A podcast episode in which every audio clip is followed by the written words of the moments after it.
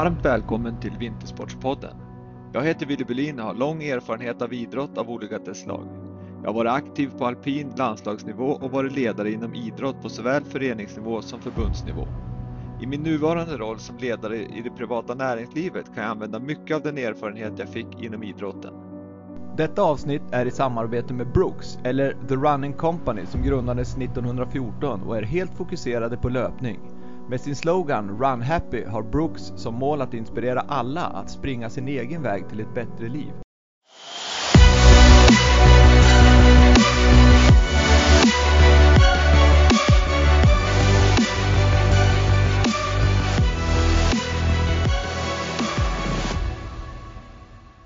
Dagens gäst i Vintersportpodden, inte mindre än Johan Olsson. Välkommen till Vintersportspodden Johan. Tack så mycket.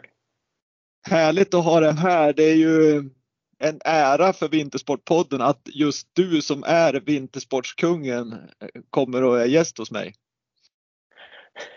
ja, kul att höra. Det är kul att vara med. Måste säga. Ja, det är spännande. Ja, det är bra. Det är kul. Eh, jag brukar börja podden med att köra en liten snabb bakgrund kring eh, ja, vart du kommer ifrån och vad du har gjort och lite meriter och sånt där och sen så kör vi igång eh, snacket med dig då Johan. Så jag kör en bakgrund. Johan Olsson är född i Skultuna i Västerås. Sen eh, som liten flyttade han till Östersund och 2014 bar flyttlasset av till Sundsvall. Han var fyra år på skidgymnasiet i Sollefteå. Han har familj och två barn. Efter skidkarriären så föreläser Johan en hel del i framförallt mentala frågor. Han har skrivit böcker tillsammans med Stig Wiklund. Han bedriver träning för privatpersoner och så är han kollega med mig i podcastvärlden i podden Wiklund och Olsson eller Olsson och Wiklund. Eh, som meriter så känner ju alla till Johans fantastiska OS och VM-meriter, men han har sex OS-medaljer varav två guld, åtta VM-medaljer varav två guld, fem världscupsegrar, fem SM-medaljer varav två guld. Han har två bragdguld 2010 och 2013.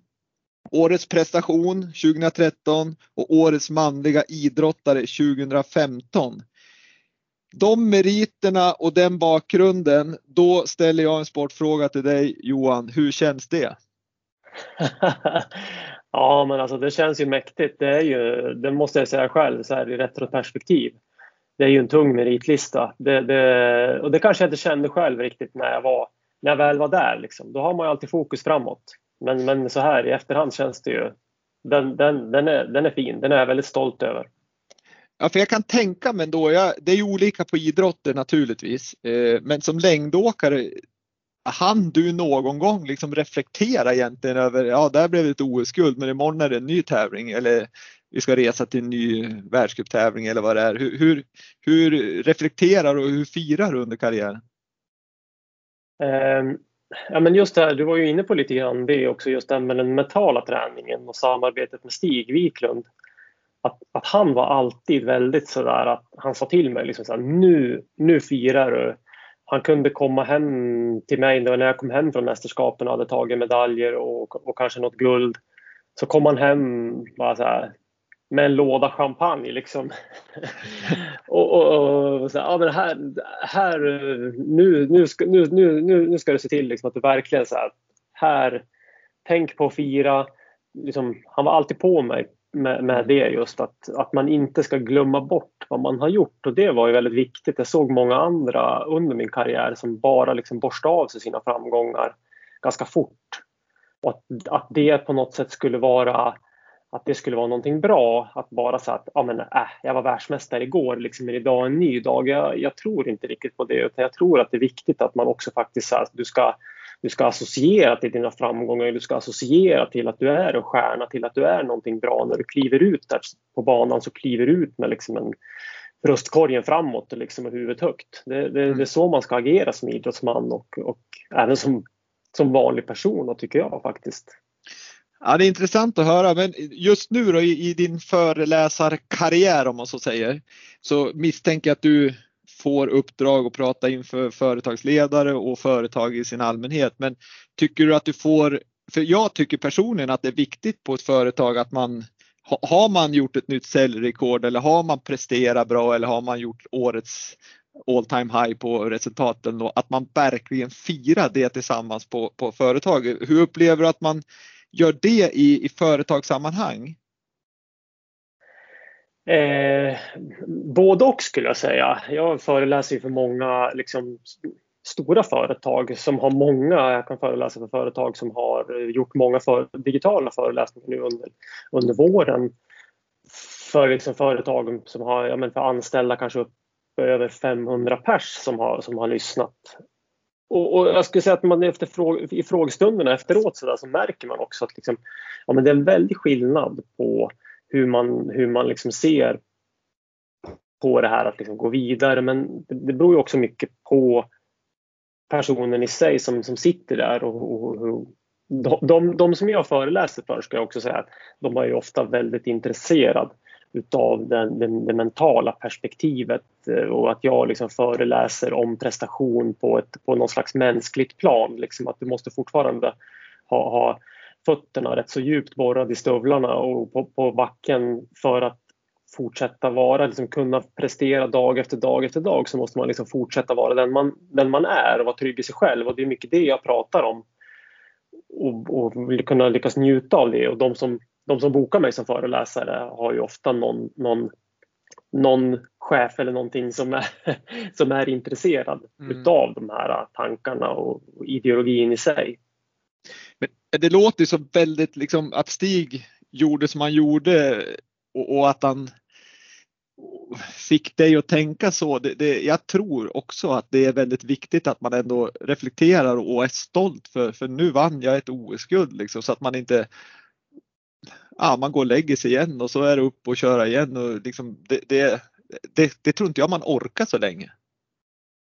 Nej, jag, jag är otroligt glad liksom just, just med tanke på det här samarbetet med Stig då att han han lärde mig mycket att njuta av det jag gjorde under karriären och njuta av framgångarna medan jag verkligen var där. Och jag var ju ganska närvarande i min egen karriär så att säga. Att jag liksom inte bara var en sån som borstade av mig framgångarna och gick vidare hela tiden som jag antagligen faktiskt skulle ha varit om jag känner mig själv från den tiden innan jag började jobba med mental träning så hade jag nog varit precis den som bara satt, ja men borsta av dig. Liksom. Alla mina idoler hade ju sagt att ja, men man är bara världsmästare den dagen som man vinner.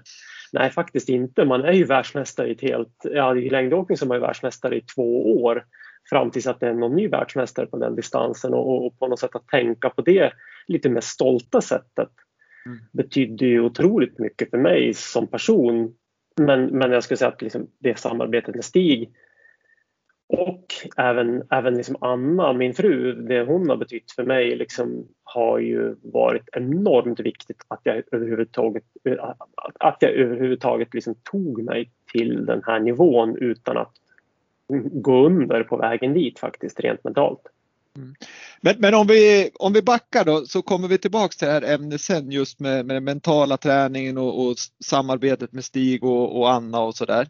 Men om vi backar då till just det du säger att, att om jag inte hade gjort så här då hade det nog sett lite annorlunda ut och då tänker jag att vi kan börja med Johan Johans bakgrund och hur, hur du växte upp och, och hur, hur, du liksom steg för steg kom till den framgång du gjorde liksom? Ja, men som sagt jag är ju jag är född i, i Skultuna, uppvuxen i, i Västerås. Skultuna eh, ligger ju bara någon, någon mil utanför Västerås. Eh, så att eh, jag började min idrottsliga bana eh, på vinter med skridskor i vikhockey eh, och mm. Och eh, fotboll då på, på, på sommaren, klassiska Västeråsidrotter. Eh, Mälardalsidrotter framför allt. Och, eh,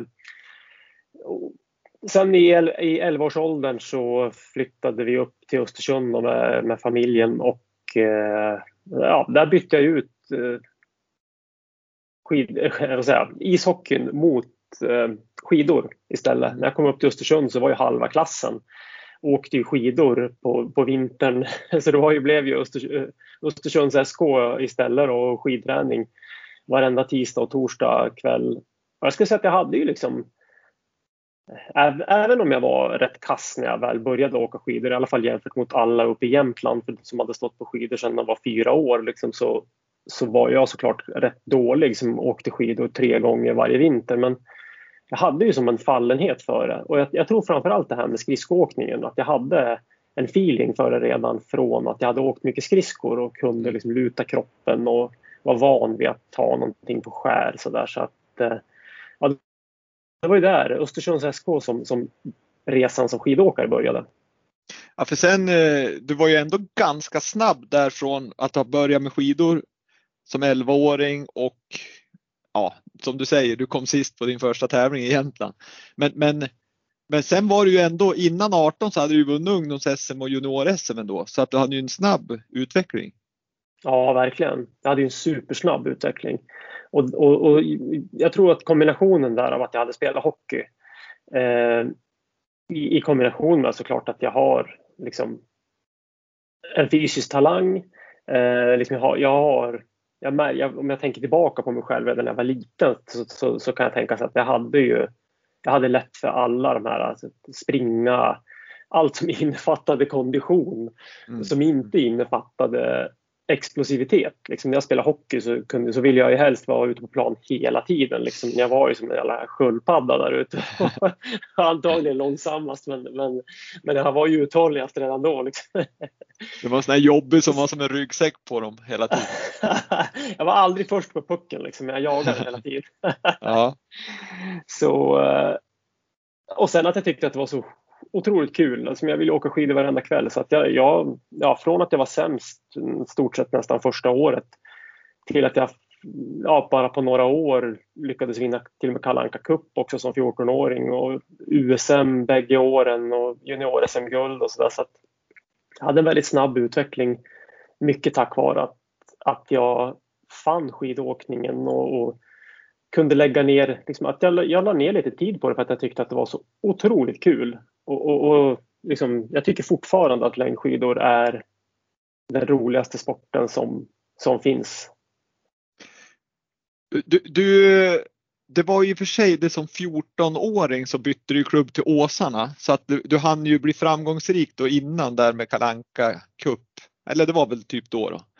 Men, men ja, du, bytte, du bytte till Åsarna men, men hur liksom i hela din, från och med du började, hur, hade du bra ledare eller gjorde du själv? Eller liksom, hade du verkligen så här grymma ungdomsledare? Jag skulle säga att egentligen den mest framträdande faktorn för att jag att jag liksom fortsatte och, och, och tog mig igenom ungdomsåren på ett väldigt bra sätt. Liksom. Just som kan vara liksom problematiskt när man kanske är i den här åldern, 15-16, man kommer till en brytpunkt ska jag söka in på idrottsgymnasium. Jag spelade ju liksom popband samtidigt och spelade fotboll i IFK Östersund så att man hade liksom så att ska jag fortsätta med skidorna? Men, men den största faktorn där var ju, ska jag säga, var, var mina föräldrar. Liksom, de har en enorm roll i det, mycket större roll än vad egentligen ledarna i klubben hade.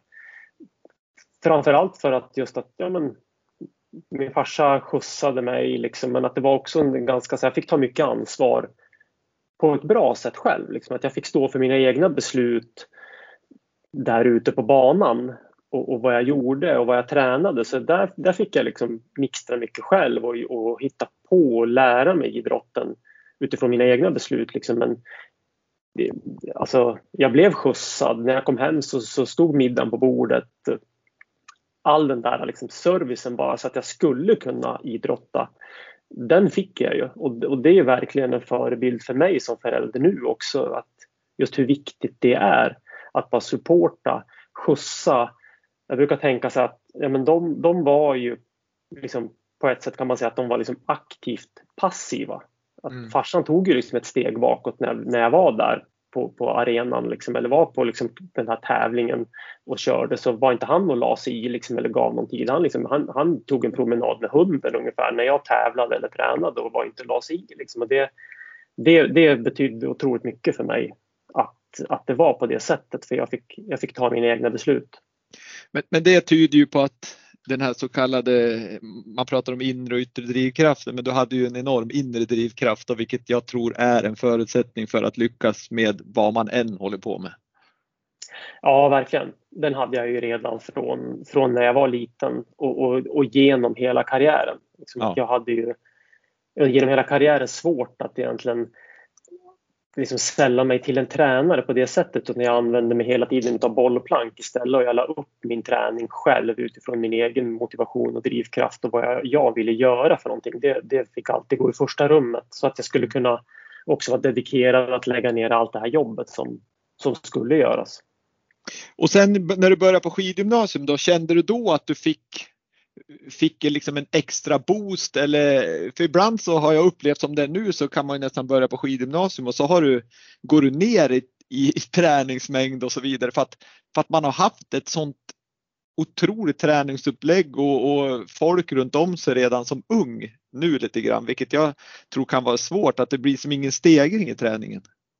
Nej, nej precis och det, det, jag känner igen det där lite grann och, och jag jag kan säga så att jag hade tur som man också ska ha. Jag, jag, jag kom in den här, den här så att säga, årskullen som jag gick med i Sollefteå var väldigt duktig. Det var en årskull som var liksom seriös. Alla, alla fortsatte in i senioråldern.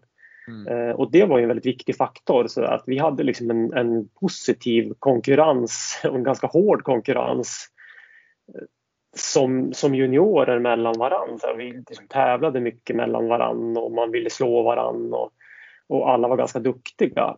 Och det var också väldigt viktigt just att liksom komma in i den, i den miljön. För mig så var det mycket lättare att klara av skidåkningen och komma från, från Östersund och, och, och, faktiskt flytta till en lite mindre stad som, som Sollefteå om man nu får säga att Östersund är i alla fall, det är inte en stor mm. stad men det är en, det är en större stad än Sollefteå i alla fall och, komma till en mindre stad där, där skidåkningen nästan är liksom ensam. Eh, istället för att det var fotboll och spela popband och allting där. Då, då fick jag liksom rikta in mig mycket. Och sen kom vi dit, då var det liksom Håkan Hellholm och Bengt Statin och Tony Gustafsson som var där, liksom verkligen legendariska tränare på Sollefteå skidgym och, och, och, och, i Sverige som, som byggde upp liksom den här. Så att på det sättet måste man också säga att Alltså man, man ska ha lite tur också i det där att hamna i, i, i rätt årskull. Och det, där tror jag många som har gått på skidgymnasium och som går på skidgymnasium kan känna igen sig att de här årskullarna som faktiskt liksom där, där det blir en positiv atmosfär och positiv konkurrens, att där, där är det många som utvecklas i och med att man är en ganska känslig ålder där mellan 16 till 19 år. Ja, verkligen. Ja, ja, det håller jag fullständigt med om. För att har du otur och hamnar med en årskull där många blir skadade eller några slutar redan i tvåan och, och det liksom, då blir det som du kan nästan träna själv och du får inte den här äh, drivet från alla runt om det. Så att, nej, jag håller med dig Johan till 100 procent. Men eh, om vi nu går vidare så har du ju haft en fantastisk karriär. Du verkar som att du haft en skön uppväxt. Eh, så har ju vi alla haft ett år eller ett och ett halvt år som har varit sådär nu liksom och, och, i ditt fall då så, så har det ju varit pandemi. Eh, vi har följt dig på Mästarnas Mästare där det inte heller gick så där superbra eller det gick bra så länge det vara. Och så sen har du också haft lite strul i, eller strul, men du har drabbats lite i familjen också. Hur har eh, det här året varit för dig Johan? Eh, nej, men alltså, man kan ju verkligen säga att, att 2020 2020 har nog varit det sämsta år som jag kan, kan liksom minnas. Och det är klart att många kan tycka att 2020 är det, det sämsta året. Liksom. Men det har varit det på, som du säger, på, på andra sätt också. Eh, in, inte bara att liksom pandemin har, har liksom slagit hårt på oss, på mig och min fru som, som företag, liksom, med föreläsningar och driva liksom stora kurser med liksom träningscoaching och sånt och massa lopp som blir inställd.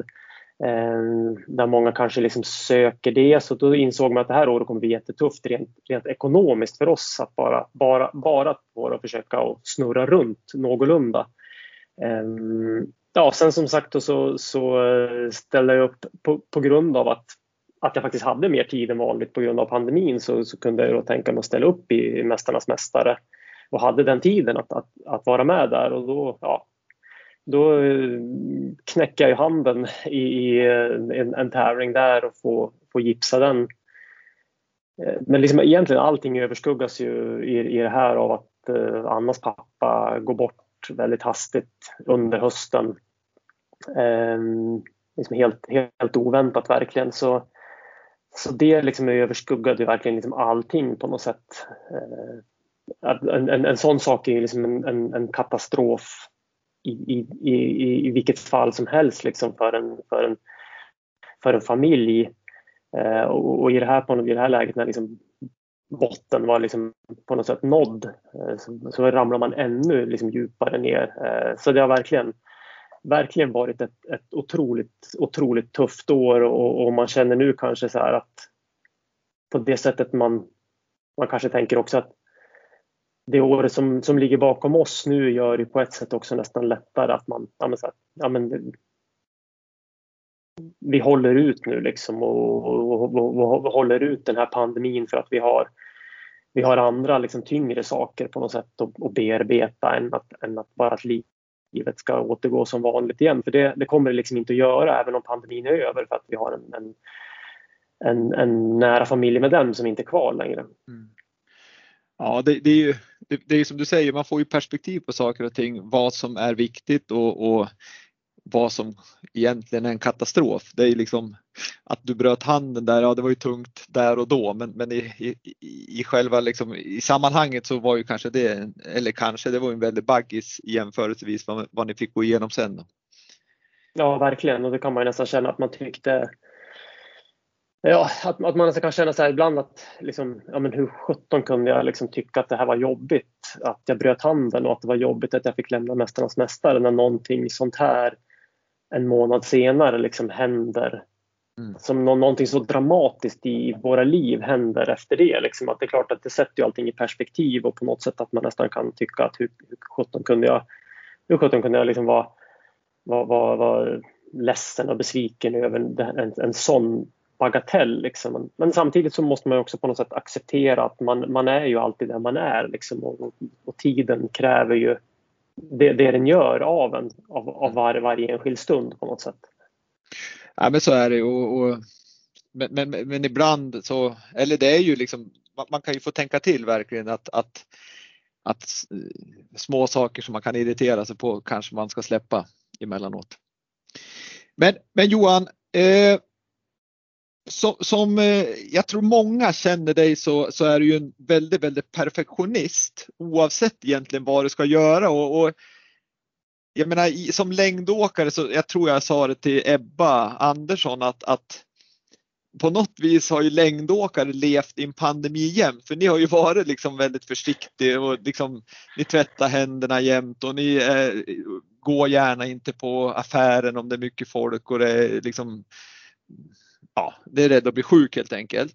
Men, men hur, jag vet att jag har ställt den här frågan till dig någon gång när jag träffade dig för ett tag sedan. Att hur i fridens namn hanterar du när du, får, när du fick din första unge? För jag menar, jag vet ju själv när jag fick min första unge så var man i princip sjuk hela hösten. Eh, när den började på dagis och, och liksom, det, det, var ju, ja man var ju mer eller mindre snuvig jämt. För att ja. ungen tog hem mycket skit. Men hur, hur, hur lyckas ni hantera det? Uh, ja, hur lyckas man hantera det? Det, det var, alltså jag, jag blev ju pappa liksom för första gången så att säga. Det var ju det var 2011. Jag var ju mitt i liksom, jag var ju nästan mitt i piken av min karriär på något sätt. Liksom. Men, men på något sätt kan jag också säga paradoxalt nog att jag jag liksom ställde in träningen mycket mer efter att vara förälder. Liksom. För mig så kom det någonting som var mycket viktigare än, än skidåkningen och, och, och liksom ruskade om min tillvaro helt och hållet. Att, att just den här aspekten av att vara rädd för att liksom bli, bli sjuk jämt övervägdes av att jag tog en massa andra beslut. Liksom, när jag var iväg på tävlingar så, så, liksom, så lät jag inte bara tiden gå till spillo liksom av att men jag såg till att jag var, alltså nu är jag borta från mitt barn, liksom, nu, ska jag, nu, nu ska jag jäkla vara mega seriös. Liksom, jag ska testa minutiöst skidorna, jag ska göra efter det här schemat hela tiden, liksom, göra mina rutiner till punkt och pricka gå och lägga mig i tid, inte liksom sitta upp och surra på kvällen innan, innan tävling och oj, liksom klockan ramlar iväg 45 minuter extra liksom. Utan verkligen gjorde allting superseriöst all tid jag var borta från, från barnet. Liksom. Och det, det tillsammans med att jag faktiskt liksom avdramatiserade mycket av, av idrottandet och vågade mycket mer gjorde att jag, liksom min karriär tog fart.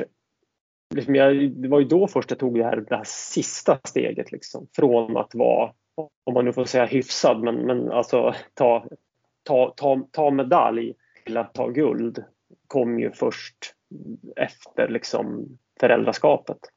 Mm.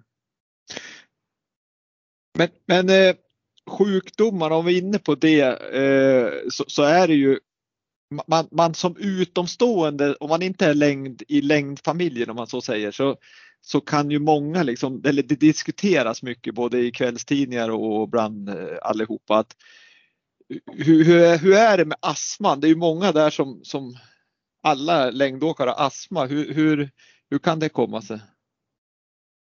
Ja, alltså det, det, har ju mycket att göra med att alltså, de mängder kallluft som man andas in. Man kan ju tänka sig bara själv hur det känns om man har bråttom till bussen och så är det 23 grader kallt ute och så får du sprinta till bussen liksom i en minut eller kanske 40 sekunder så får man sprinta till bussen och så kan man känna hur det känns när man kommer in i bussen och sätter sig. Liksom. Ehm, ja, liksom skidåkare gör ju det här dag ut och dag in fast inte 45 sekunder utan det är 45 minuter som man blåser ur luftrören och sen så kanske man har lugnare träning i det så det är klart att liksom på, på elitnivå så, så, så ska jag säga att det, det är liksom det, det, är relativt vanligt med att du har retade luftrör. Man, liksom, man kan uppsöka ett hotell på en världscup och så kan man höra hur alla låter liksom, i luftrören. Alltså det hostas ju överallt men det är ju sån här, det är sån här, den här klassiska tävlingshostan liksom, av att man, mm. får, man får en inflammation i luftrören av att man tävlar i kall luft. Liksom. Så det, det, det, är klart att jag skulle nog, jag skulle nog vilja påstå att, att, att ansträngningsastman, eller ja, vill jag påstå, men det, är nog ingen underdrift i alla fall att säga att den är, lite överrepresenterad i sporter där man inhalerar så mycket kallluft faktiskt. Mm. det är ju, det är ju, det är ju, det är ju en produkt av det. Mm. Ja, jag förstår. Jag förstår ju att, att eh, det känner man precis som du säger, det var en bra liknelse. När man anstränger sig när det är kallt så blir det ju alldeles konstigt. Eh, men, men eh, du, du, sa liksom när du var iväg där så blev ju ultraseriöst. Med liksom allt skulle vara perfekt. Du la dig i tid, du åt rätt, du testade skidorna minutiöst. Hur, hur var liksom Johan Olsson i laget då? Hur, hur, hur, var du som lagspelare? Var du en enstöring eller var du ändå en, liksom en härlig lagkamrat? det, det, det, var fel att fråga kanske. Nej, men det är klart att liksom jag,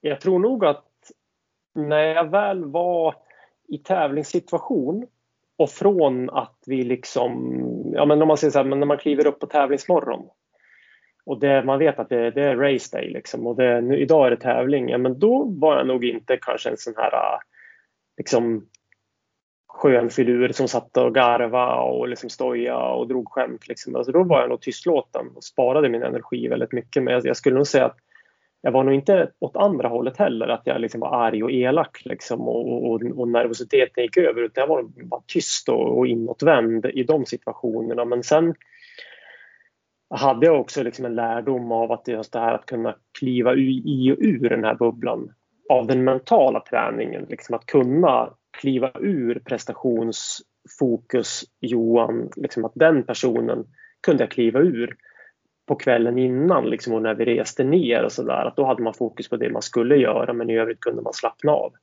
Eh, men, men tävlingsdag och fram till start så då är det klart att då var jag ju ganska inåtvänd och tystlåten och kanske ibland lätt irriterad också på saker.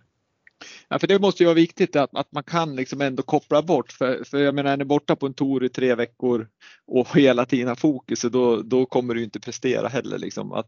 Nej, nej, nej, absolut inte. Nej, då dräneras man ju snarare av på energi. Utan det är viktigt att kunna kliva ur bubblan framför allt när, när det blir så pass långa sträckor. Jag menar, jag, jag tror att jag eh, Ja, om man säger till exempel OS i Sochi så, så var ju var väl uppladdningen och OS i sig. Jag tror jag var, jag var rumskompis med Anders Södergren i liksom nästan sex veckor.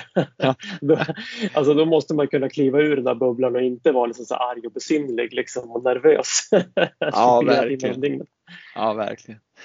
Ja, det, det är eh, alldeles sant. Men, men eh, nej, det är viktigt att man kan, att man kan vara fokus när det väl är och sen kliva ur det sen. Men, men Johan, någonting som jag reagerar på när jag liksom har suttit och researchat dig, det är ju att, att du har egentligen, för mig så är det lite bakvänt. För tittar man på många andra idrottare som man, som man pratar med så har man väldigt, väldigt många SM-medaljer. Och så har man relativt mycket världscupsegrar och pallplatser och så har man lite mindre VM-medaljer och OS-medaljer. Men i ditt fall så är det ju lite tvärtom faktiskt. att Du har sex OS-medaljer, du har åtta VM-medaljer och sen får man väl bara säga bara fem SM-medaljer. Och, mm. och, och, fem världscupsegrar också. I sammanhanget är det ju ganska lite om du jämför med dina mästerskapsmedaljer. Men var, var, det, var det någon plan från din sida att det ser ut så här, det vill säga att du, du la all ditt krut på mästerskapen eller, eller blev det bara så här? Nej, det är ju, alltså, det är ju äh, äh, alldeles sannoliken en plan med det.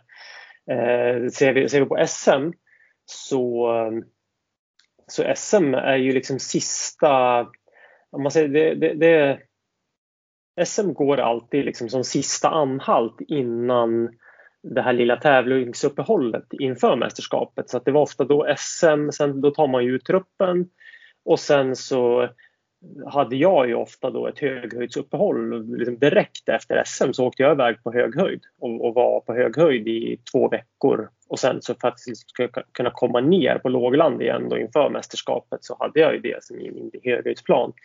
Så SM var alltså sista veckan där jag kunde träna normalt på lågland.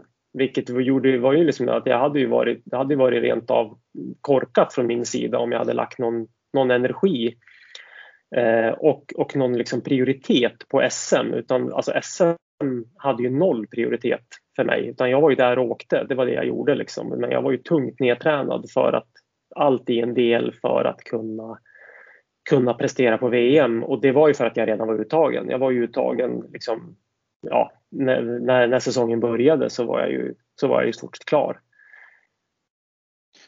Ja, och det är ju ofta, eller många andra idrotter, då kan det ju vara att SM ligger, i alla fall fem milen för er har ju legat sist.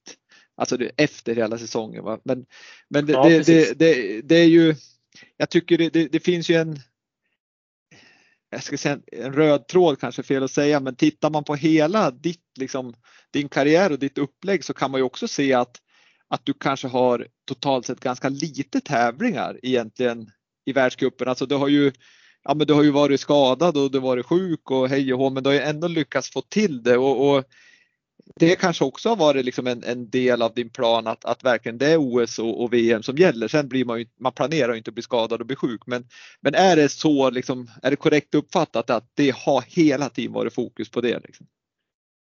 Ja, det, det, Alltså, eller egentligen, man skulle kunna säga liksom senare delen av karriären så, så förstod jag mer att jag, jag är en typ av åkare som, som kanske inte är så jämn. Eh, och det kan man ju också se liksom på min, min tränings, om man ser liksom träningsåret i sig, liksom, träningsåret med laget. Så, så kunde det vara dagar då jag inte var speciellt bra. Liksom, men, men vissa dagar så var jag nog bättre än vad någon annan någonsin var liksom, vissa dagar på träningsåret också på rullskidor. Liksom att vi skulle åka upp från alptopp. Ja, men ibland så var jag lite halvers sådär och inte så bra att jag hade lätt att få tunga ben. Liksom. Men, men ibland så hade jag ju som, som, ja, som Roberto Vacchi skulle säga på cykling att liksom, ibland hade jag verkligen diamanter i benen liksom, och mm. var extremt bra. Och, och, det lärde jag mig sen att kunna liksom kontrollera och kunna liksom hur ska jag göra för att jag ska kunna bli så här extremt bra? Vad är det som liksom krävs? Vad, vad är, vad är liksom strategin för att ta mig dit? Liksom? Och, och, jag tror att in, alltså inför ett VM så jag tror i alla fall att det var väldigt, var väldigt få som, som la upp en sån liksom extremt strukturerad plan. Ända från, egentligen från jul skulle jag kunna säga. Att det där, från jul tog jag avstamp mot VM. Och liksom, nu satsar jag mot VM härifrån. Eh, med en tydlig strukturerad plan liksom vecka för vecka hela tiden hur jag ska göra. Och då var det nästan, jag tänkte säga du säger vecka till vecka men det var nästan dag liksom timmar så här ska det vara och det fick inte störa någonting då egentligen? Det hade allt, allt ifrån sömn, kost, liksom rörlighet, stretching. Liksom. Och det var ju mycket så att jag, jag kunde ju inte egentligen underkasta mig den typen av livsstil hela året runt. Liksom. Men att det var de, de, de månaderna inför ett mästerskap, det var liksom två månader som verkligen var i bubblan för att kunna leverera till fullo. Eh, under mästerskapet. Jag, jag, jag, tror nog att det var få som, som gjorde en sån pass liksom, kraftig uppoffring som jag gjorde inför eh, de stora mästerskapen. Och, och, om, man, om man går till en klassisk uppladdning så får man ju säga där du egentligen inte har tävlat på ett helt år. Du har varit skadad och så är det, tror jag inför VM i Falun när du i princip åker och sätter det i fjällstugan uppe i Bruksvallarna. Helt ensam, isolerad i många veckor. Ja, det är sju och en halv vecka som jag är borta i alla fall från, från familjen. Så att jag är ju där i, jag är väl i Bruksvallarna i kanske fyra veckor någonting själv. Ja, alltså, det, det, det, för det första så vill jag veta hur tänker du när du åker dit? Det är ju en sak. Och när du är där, hur liksom pallar du rent mentalt att du har dessutom barn och så sen att vara isolerad så där och träna stenhårt. Du måste ju haft tårar i ögonen varje dag i princip. ja, jag kan säga så här att, att uh, hur jag tänkte när jag väl åkte dit. Det var faktiskt Anna som satt till mig att, att jag, jag, jag, jag tycker att du ska åka dit Johan. Eh, jag tycker att du ska åka hemifrån eh, och, och liksom ladda från och med nu. Och då är det ju alltså i början på januari eh, 2015 som jag de för, det är väl de första dagarna i januari som jag åker upp dit. På hennes liksom inrådan då, just på grund av att, jag, att vi har två barn hemma som, som är sjuka och det är VM på hemmaplan. Och det är klart att liksom, jag kan säga så här, att jag åkte upp dit och tränade stenhårt. Det, det var ju för att liksom, det var ju min enda flykt liksom ifrån den, den här misären som jag upplevde när jag väl liksom var inne själv. Liksom. För då, det är ju först då man fattar att man liksom, alltså jag sitter ju här själv liksom. mm. och mina barn är hemma. Och jag är liksom pappa, jag, jag vill vara med dem. Men jag sitter här bara för att jag ska ladda inför ett mästerskap. Liksom. Det, här, det, här, det, det är ju liksom, det här är ju, det här är ju galenskap. Liksom. Jag vill bara åka härifrån. Mm. Så jag tränade ju som liksom helt galet. Jag tränade ju jag tror att jag hade 100 timmar träning i eh, januari, vilket är ju liksom det fullständiga alla galenskap att träna så mycket under säsong. Eh, men, men det var ju liksom min flykt och det tror jag många kan känna också det här att den här mentala flykten av att komma ut, träna, du får komma ut och tänka på någonting annat. Det är någon slags att komma undan den här ångesten av att jag är här liksom, gör att jag, jag, men jag sticker ut och tränar istället. Liksom. Men var det en del av planen när du säger att du ändå du, du jobbade så, var det en del av planen att du hade 100 timmar eller blev det extra för att du hade mer eller mindre ångest? Alltså det blev nog någon liksom, timme extra. Jag, jag, jag har aldrig haft egentligen så här en, en liksom en liksom, man ska säga en, liksom en minutplan utan det handlar mer om vad jag ska liksom genomföra under passet. Och så mm. sätter jag upp, så hade jag liksom en så här, det här ska, det här, så här ser min genomförandeplan ut.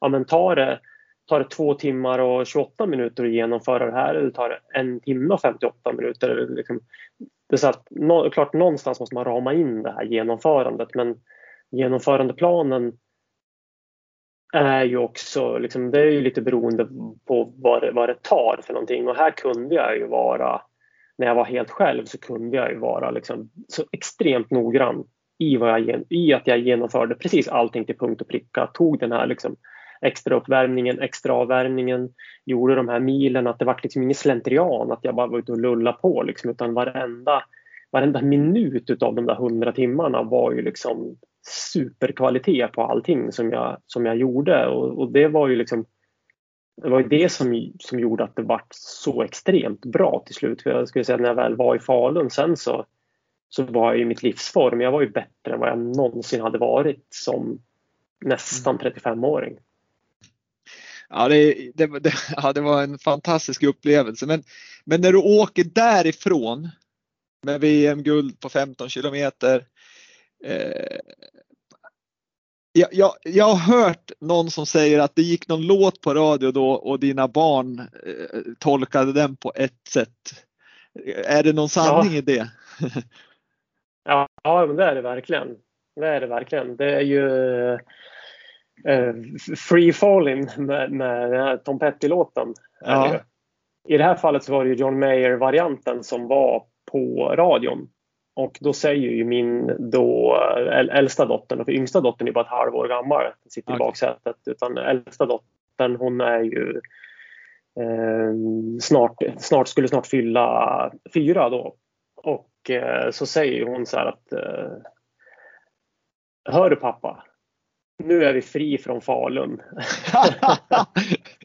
ja. säger hon. Det säger ju någonting om på något sätt så här, hela pressen som liksom bara familjen låg under med det här Falunmästerskapet. Att liksom bara tyngden över det här att fan, liksom så här, när hon sa det så att hör pappa, nu, nu är det över liksom. Bara så här, det var ju liksom som en, som en bomb på något sätt. Det måste ha varit ganska jobbigt som pappa att få den. Liksom.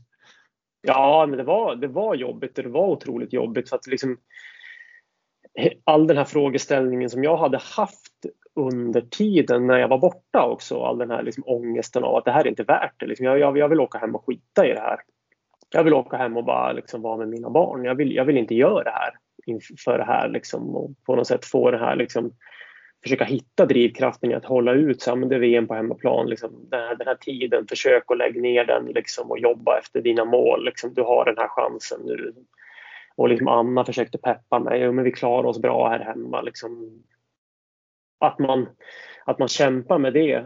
Och sen också när man, när man också kommer hem och har liksom och, och, och, och, och är, fort, liksom är fortfarande världsmästare och är fortfarande bäst i världen och har gjort det här jobbet. Men man känner också så att nej, det var inte värt det. Det, det här var inte värt det. Liksom. Jag, hade, jag hade lika gärna kunnat åkt hem. Det hade varit, det hade varit bra det också, liksom, att fått vara hemma och fått, fått upplevt min yngsta dotters, liksom, när, hon, när hon sa sitt första ord, liksom, när hon kröp för första gången. Allt det där missade jag för att under, det gjorde hon under de där veckorna då jag var borta. Och när jag kom hem så när hon, ja, men den yngsta dottern som var ett halvår då, när hon liksom ramlade och slog sig och gjorde sig illa liksom, så, så jag fick inte ens lyfta upp hon. Liksom. Det, var ju, det var ju bara mamma, bara, bara mamma hela tiden. Det tog ju, ja, det tog ju över ett halvår innan, innan den skadan var reparerad liksom, till att hon kunde vända sig till pappa. Liksom. Så det, det är klart att det, då får du hela tiden det här svaret på att var det värt det? Så här, nej, för barnen så kanske det inte var värt det. För de, de skiter ju om du är världsmästare eller inte. Liksom. Ja, de vill ju att du är hemma.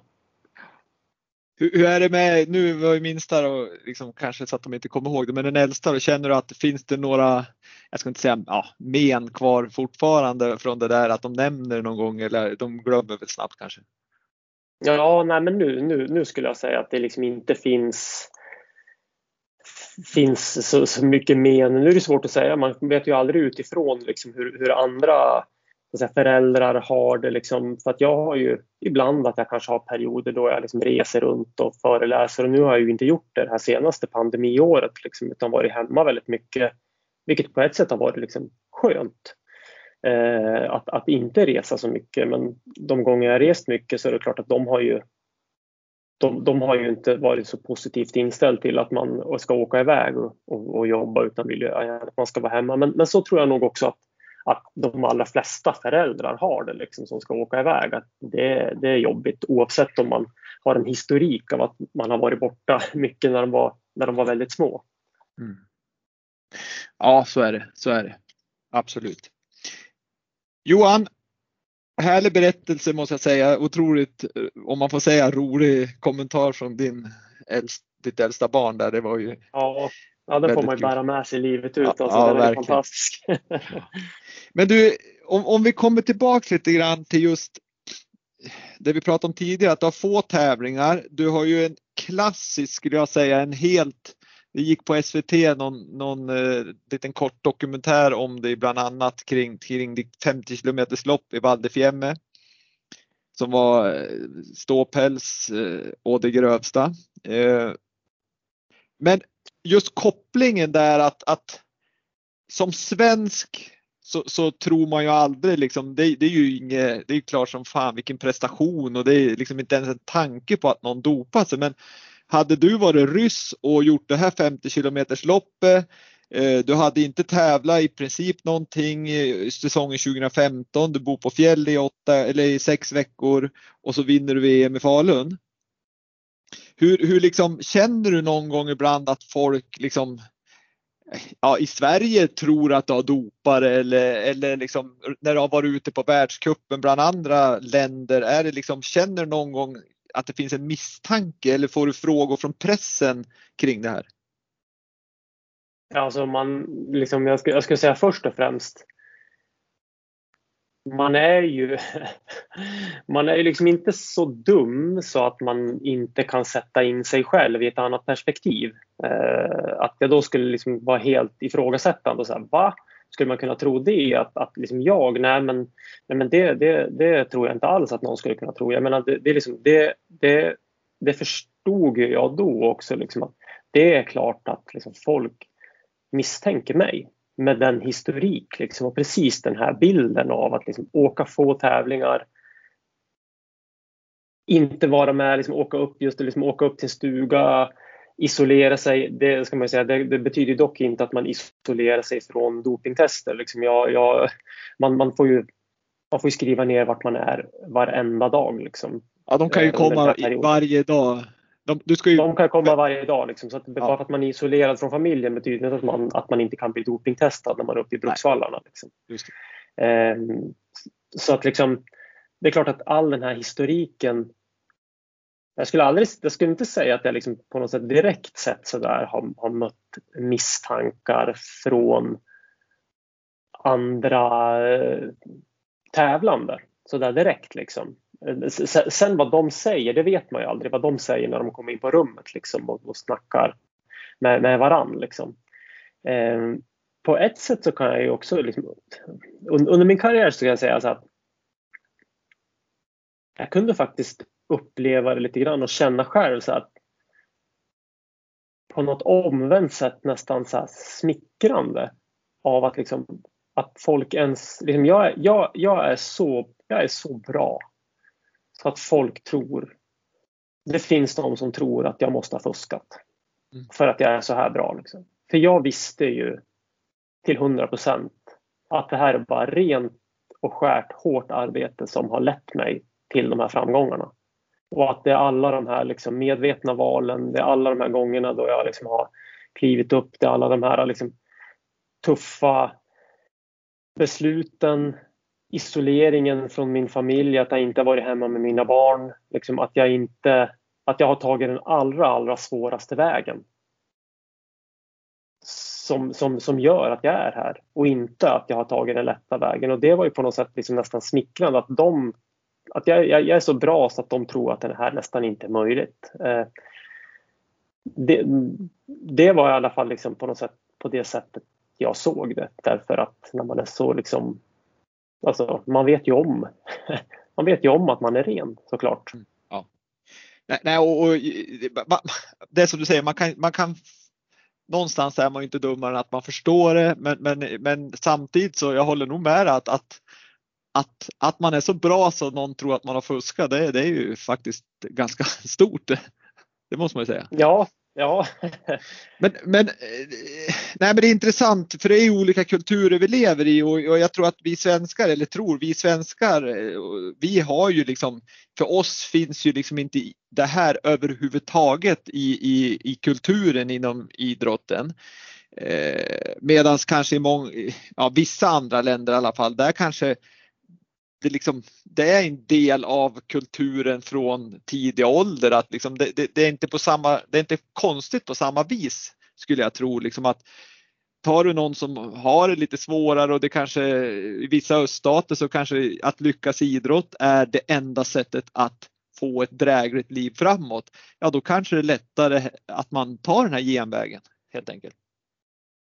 Ja, man, man ska ju liksom vara medveten om att alltså, om man skulle ta i, i, i Sverige och liksom de, de ja, men om man ska ta liksom Sverige och de, de skandinaviska länderna liksom som vi har här så är ju liksom inte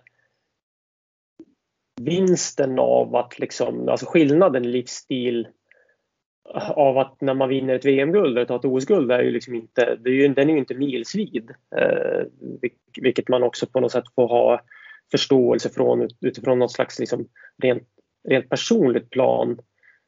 Sen eh, om man ska ta så att när jag väl var i, i sporten och var elitidrottare så hade jag liksom jag hade sånt fokus på, på mig själv hela tiden. Så jag, det är klart att jag stötte på hela tiden liksom frågorna att ja, men tror inte att de eller liksom, de håller inte de på med något, något fusk liksom, eller tror inte att den där liksom, eller vad säger de de här? Men alltså jag hade sånt jag hade sånt fokus på mig själv och det, och det tror jag också på något sätt var en så här självbevarelsedrift att skulle jag ha börjat liksom fokusera allt för mycket på att ja, men alltså, de här uh, dopingtesterna verkar ju vara liksom väldigt suspekt och sådär så hade jag på något sätt så hade jag, hur konstigt det här än låter, så hade jag ju faktiskt kunnat börja devalvera mitt, min eget liksom, arbetet i min egen hjärna där ute liksom, för att slå dem. Liksom. Så om jag väl då liksom är, väl är borta och sliter som, liksom, sliter som ett djur i den där backen bara för att liksom kunna vinna det där mästerskapsguldet. Och jag tänker så att om tanken då skulle slå mig så att ja, men jag, ja, men det här är ingen mening för de andra fuskar ändå. Liksom. Så att jag kommer inte kunna slå dem ändå. Ja, då skulle jag ju liksom devalvera mitt eget arbete och kunna på något sätt ge upp där och då. Mm. Men den, liksom, den, det existerade aldrig. Alltså ge upp existerade aldrig när jag väl tränade. Liksom, att det var så att då, då var det ändå liksom att ja, men det, här, det här arbetet leder mig till att jag kan vinna och att jag kan liksom klara av det här. Så därför så, var man, så, så kan jag säga att man nästan efter karriären mer funderar på det än vad man gjorde när man väl var där. Jag förstår. Men du, när vi är inne på på lite lopp här och så där. Så, så vi kan fortsätta bara på 50 kilometers lopp i Val Hur, hur tänkte du då? För det, det, det, har ju som inte hänt förr att man har gjort den här resan och risken är ju ganska stor att man att man eh, att klungan kommer i kappen och så vidare. Men eh, hur, hur gick tankarna där ganska tidigt när du gick ifrån? Eh, men jag hade ju under några års tid hade ju en ganska tydlig agenda på många lopp. Liksom att, jag, att jag var den på något sätt som, som, som tände gnistan. Liksom. Och det är ofta så här att liksom, visar det så här att mm, går man fram, visar det här att jobba med, alltså jag hade jobbat på det här sättet i flera år. Liksom, med att går du fram, liksom, visar en, en antydan till en, liksom, en, en offensiv gnista så är det fler liksom som kan känna att ja, men man bryter den här barriären. Det är fler som kan hänga på. Är det någon som startar så börjar man, det är som en snöboll som börjar rulla. Liksom. Då är det mm. fler som kan börja hänga på och det börjar hända någonting. Och då är man först så är det som att då kanske du inte behöver ta så mycket jobb sen. Eh, så var det ju absolut inte för Val för att mitt ryck var ju på tok för hårt. Eh, jag sprängde ju liksom hela fältet i stort sett nästan. Eller liksom, det var ju ingen som kunde hänga med förutom Colonia. Då. Ja. Ehm, och tanken var ju egentligen inte att, det, det, att, att jag skulle bli själv av den enkla anledningen att ingen, inklusive mig själv, trodde att det där var möjligt överhuvudtaget. Inte ens när jag gjorde det så trodde jag att det, det skulle kunna vara möjligt att göra det förrän jag väl, förrän jag väl hamnade i den situationen att liksom det enda alternativet du har nu är bara att genomföra det här. Att, att, att, att köra för det här. Eh, och, och, och, där och då så var jag ju också på något sätt liksom förberedd för att göra en sån pass lång offensiv. Fastän jag kanske inte förstod jag kanske inte fattade att det var möjligt men jag var ändå väldigt förberedd för att göra en lång offensiv eh, och klara av den på ett rent fysiologiskt plan också. Du, du, för du hade ju en liknande upplevelse på OS där du gick som 17 och då var det ju Hellner och och, och Södergren som bromsade lite grann i, i, men där kom de ikapp det till slut. De kunde inte bromsa fältet utan då, det slutade ju med guld för Hellner och brons för dig. Ja precis. Jo, precis. Ja, när man, alltså man kan ju inte man kan ju inte bromsa fältet till, till den del utan det är väl mer på något sätt att man får gå upp och kanske störa. Det är väl mer så man gör. Liksom. Eh, och liksom för, för bromsa skulle man säga, det, det, är nog kanske fel ord liksom egentligen för att man går upp och stör rytmen i att, liksom att, att man, de här som drar inte riktigt får man, man, man, man stör samarbetet mellan alla liksom, och man går upp, bromsar in, liksom, du får starta om igen. Eh, men det, det, går ju inte att göra till slut liksom, för till slut så kommer de andra ta befälet och, och, och sticka iväg. Och, och egentligen det som hände i Vancouver där, det var väl att jag eh, att jag var loss själv med, ja det var det är bara ja, det är bara en kilometer från mål. Andra är på väg i kapp och och får den här känslan av att de, de kommer att komma ikapp. Så jag sparar ju lite krut för att kunna, om möjligt, liksom kunna vara med och spurta om en medalj. Och det är ju först när, jag, när, när de kommer ikapp som jag inser att alltså, de är ju liksom lite... De är ju, de är ju faktiskt lite trött de här också. Det är ju inte så att de har åkt och bara och och sola sig i 29 kilometer och sen kommer de ikapp. Och, utan de hade ju faktiskt, det var ju ansträngt när de kom ikapp också. Eh, och just efter loppet så började jag kanske fundera mer så att ja, men, om de var ansträngda när de kom ikapp, alltså vad, vad hade hänt om jag istället för att vänta hade liksom trampat gasen i botten med en kilometer kvar? För jag, jag kände att jag hade ju mer när, kvar när jag gick i mål på något, på något sätt. Liksom, även om jag orsaken till att jag blev trea är ju liksom mer så att jag hade ju inte alls Marcus Hellners spurt. Eh, inte på något sätt liksom. Och, och, just i det ögonblicket när vi väl gick i mål så var det liksom en otrolig glädje. Det var min första individuella medalj. Marcus som jag hade tränat med hur mycket som helst tar olympiskt guld. Liksom, det var ju som en unison glädje men, men någonstans några dagar efteråt så började det där komma krypa. Liksom att Alltså det, kanske hade, det kanske hade kunnat vara jag som hade stått där med guldmedaljer runt halsen istället om jag, om jag inte hade varit feg. Mm. och inte hade liksom vila och vänta ikapp dem för att safea in en medalj så kanske jag hade kunnat stått där med guldet om jag hade varit modig till, tillräckligt modig. Liksom.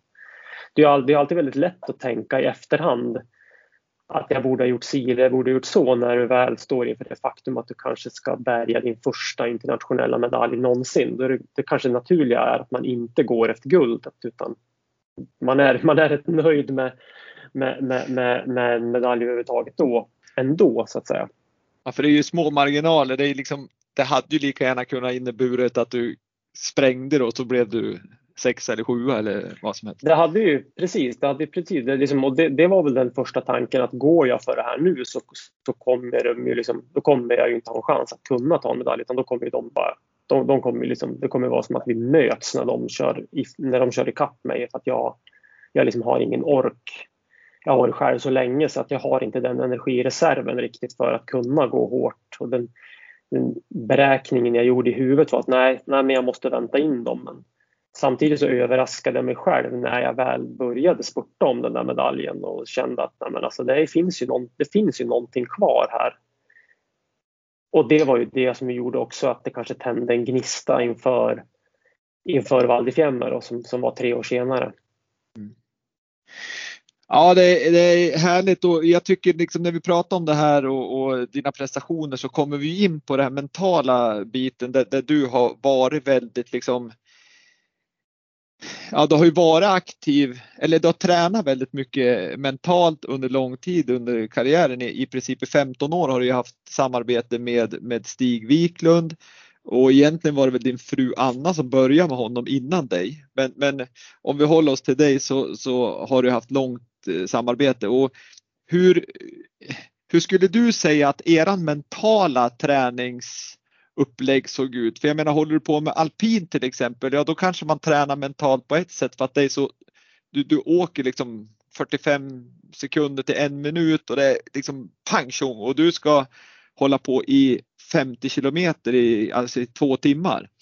Hur, hur, liksom, hur jobbade ni? Vad var det ni fokuserade på i den mentala träningen? Ja, men jag skulle säga så att när jag väl började med mental träning och började jobba på liksom Annas inrådan, att hon tyckte att jag skulle börja jobba med det, så, så hade nog jag en bild av att det handlade mycket just om idrott och att det var mycket fokus på idrotten. Men när jag väl började jobba så handlade det ju jättemycket om att bygga upp Johan.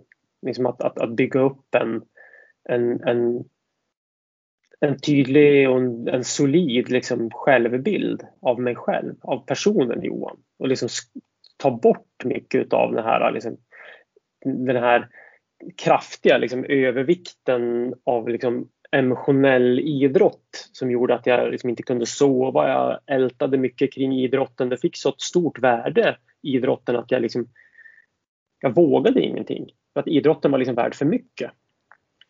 Så där fick jag börja bygga upp liksom omvänt nästan. Så ta, bort, ta bort fokus, alltså plocka bort massa emotionell vikt från, från idrotten och liksom lägga över den i den här korgen som var Johan istället. Liksom, och bygga upp mig själv. Och, och, och, och Stig, liksom just när man haft sånt långt samarbete, alltså Stig, Stig jobbar ju faktiskt och har jobbat med just alpina skidåkare också. Mm. Eh, och eh, det vi gjorde liksom när vi egentligen, det var att vi hittade på mycket saker på vägen också utifrån hans struktur, liksom med mentala träning så byggde han upp mig som person och min liksom trygghet i att, i att jag kunde lyckas men jag kunde också misslyckas, att man måste våga för att vinna, vara offensiv liksom, men också hitta en avslappning och, och en tydlig sätt att kunna växla mellan olika eh, liksom, mentala tillstånd. Liksom, hur är jag när jag är på tävling och hur, hur är jag liksom, utanför tävling. Mm, mm. Och sen eftersom så hittade, hittade vi många övningar liksom som riktade in prova många övningar. Så här, nej, men prova dem i några veckor. Nej, det här, det här funkar liksom inte. Och så börja sortera ut vad som funkar och hittade på nya övningar. Så att, så att just, just den där längden i ett samarbete med en mental tränare har ju varit till stor betydelse för min karriär. Såklart liksom enorm betydelse men också enorm betydelse för mig som, som person för liksom för, för evigt så att säga, för alltid. Liksom, att, att jag, det har förändrat mig otroligt mycket och min kunskap om mig själv som, som människa. Och, och det är ju som egentligen, det spelar ingen roll vem man är, att, att eller vilken idrott man håller på med eller om man jobbar inom ett företag eller vad man är för människa. Så just den här självkänslan som, som, som ni byggde upp att du är Johan, du kan misslyckas, du är ändå Johan, du lyckas och du är ändå Johan. Så att man bygger upp den tryggheten. Det förstår jag liksom är en viktig del. Men, men jobbar ni något specifikt med lite grann det vi har pratat om? Jag tänker att träna i fem timmar själv på fjället, att ligga i en stuga på Bruksvallarna i sex veckor och liksom bara verkligen fokusera på en uppladdning. Det kräver ju också en mental styrka. Hade ni någon tank, några tankar kring just det, att orka med och underkasta sig all den träning som du och ni skidåkare bedriver? Ja, men jag skulle säga så att det handlade mycket om ganska enkla parametrar egentligen och handlar, liksom mental träning handlar mycket om, tycker jag i alla fall, enkla övningar och hög kontinuitet. Att man, alltså att man gör någonting som är enkelt ofta. Hjärnan, hjärnan responderar väldigt bra på det. Liksom enkla saker väldigt ofta, då liksom banar man in ett mönster. Och här var det som så här, liksom under sådana här tunga perioder så var det jätteviktigt att jag så här, varje kväll satte mig ner, liksom, skrev upp ja, men, vilka tre bra saker hände idag. Liksom trots att jag liksom grät mig till sömns för att jag saknade mina barn så mycket så, så fick jag ändå så här, men jag ska skriva upp tre, tre, tre bra saker som har hänt idag. Liksom. Bara lyfta upp de där sakerna och sen så här, liksom, att man sätter upp en plan. Vad, vad gjorde jag bra? Vad kan jag göra bättre? Hur ska jag göra det bättre till sin, i, imorgon? Liksom. Att man sätter upp en plan för imorgon. Vad ska jag göra för någonting?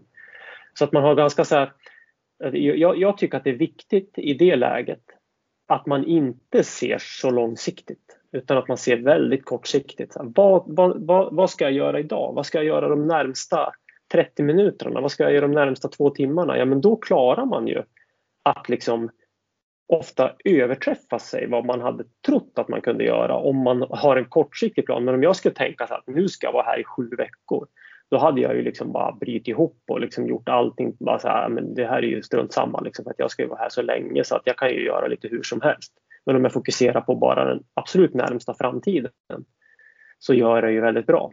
Så då, då, då liksom gör jag ju saker och ting väldigt produktivt kortsiktig framförhållning på just den saken. Men sen att man jobbar med mera långsiktiga mål utifrån vad man har för liksom struktur på, på lång sikt. Så att jag jobbade ju väldigt mycket med superkortsiktiga saker i min träning och det, det, det tror jag på ett, på ett mentalt plan att jag tror att jag var ganska ensam om det just att liksom jobba med mentala saker. Att jag till exempel kunde gå till ett, eh, liksom ett, till, ett, till ett intervallpass och sen hade jag så här, jag kunde ha tio mål på det intervallpasset och jag tog varje sak eftersom. Liksom, varje intervall så hade jag ett, ett lätt liksom, fysiskt mål men att som bröt av intervallen. Det, kan, det kunde till exempel vara så att på den här, på den här intervallen, tre minuter framöver, så trots att jag liksom åker full fart, jag har 96 procent av min maximala puls. Liksom jag ligger på 196 slag per minut. Men jag ska liksom slappna av i käkarna. Jag ska ha, fokus, jag ska ha fokus på det. Liksom. En sån här liten trivial detalj som är supersvår. Nästa intervall, så här, jag ska slappna av i, nu ska jag slappna av i axlarna. Liksom. Men jag ska klara av att åka full fart men med låg armföring. Och då byggde jag in massa sådana där mini-små mål som man kan tycka är jätteenkelt i vanliga fall. Byggde jag, byggde jag in över lång tid så att jag kunde liksom hantera jättesvåra detaljer Mm. Så att det kunde komma in folk så som tittade på mig när jag var och tränade på bandet och bara då tittade de på liksom ansträngningsnivån för då hade jag en tv-ruta uppe som visade min puls så att jag såg den. En gång minns jag, jag kom, som kom in så här, hade jag 197 i puls. Liksom. Så tittade han på den och så tittade han på mitt uttryck. Och så sa han efter intervallen så här, alltså, det ser ju ut på ditt ansiktsuttryck och din, ditt, ditt kroppsspråk som att du liksom är ute och åker distans. Men man ser ju på farten och jag ser ju på pulsen att det här går, det går ju för fullt. Liksom. Och det var ju mycket för att jag hade byggt in alla de här små mentala variablerna i min fysiska träning liksom, och lagt, adderat massa små saker. Och det är ju faktiskt också mental träning. Även om man då tänker att det, det, är, det är fysisk träning. Ja, det, det är ju Ja, det är spännande och jag, jag kan hålla med. Det är, ju, det är ju jättebra att ha sådana där, speciellt när man kör intervaller eller när man tränar överlag, att man har lite sådana där kortsiktiga mål för att bryta av som du säger. Det är ju ett, ja, ett väldigt bra tips. Men, men Ja, så, så jag tycker liksom det verkar ett väldigt spännande samarbete som du Anna har tillsammans med, med Stig Wiklund och, och tittar man på hans meritlista så, så är den ganska lång också vad det gäller vilka han har jobbat tillsammans med. Både vad det gäller idrottare men även eh, ja, med företagsledare och företag och, och människor i sin allmänhet. Så att, ja, det, det, det verkar vara en, en klok människa. ja, ja men det, det, det är det verkligen. Det, det, måste man ju säga att han har en väldigt.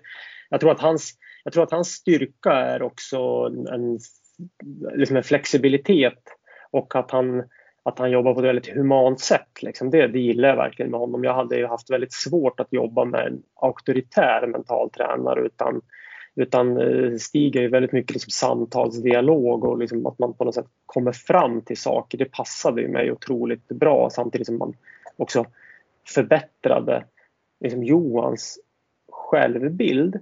Eh, och här kan man ju, liksom, det här pratar jag en del om liksom när jag föreläser också. Så att den här skillnaden att man blandar ihop självförtroende och självbild. Och många som har hållit på med elitidrott kan också se så att de här som där liksom presterar du dåligt så, så, så mår du dåligt. Och, och, det är ju ganska välförståeligt men att, att, att, man liksom mår dåligt för att man presterar i någonting som man lägger ner massa tid på men också så att du tycker att du själv är dålig bara för att du liksom åker långsamt runt en bana och, och där hamnar man ju liksom fel någonstans. Att allting är dåligt med dig bara för att du åker långsamt på skidor. Så är det ju absolut inte.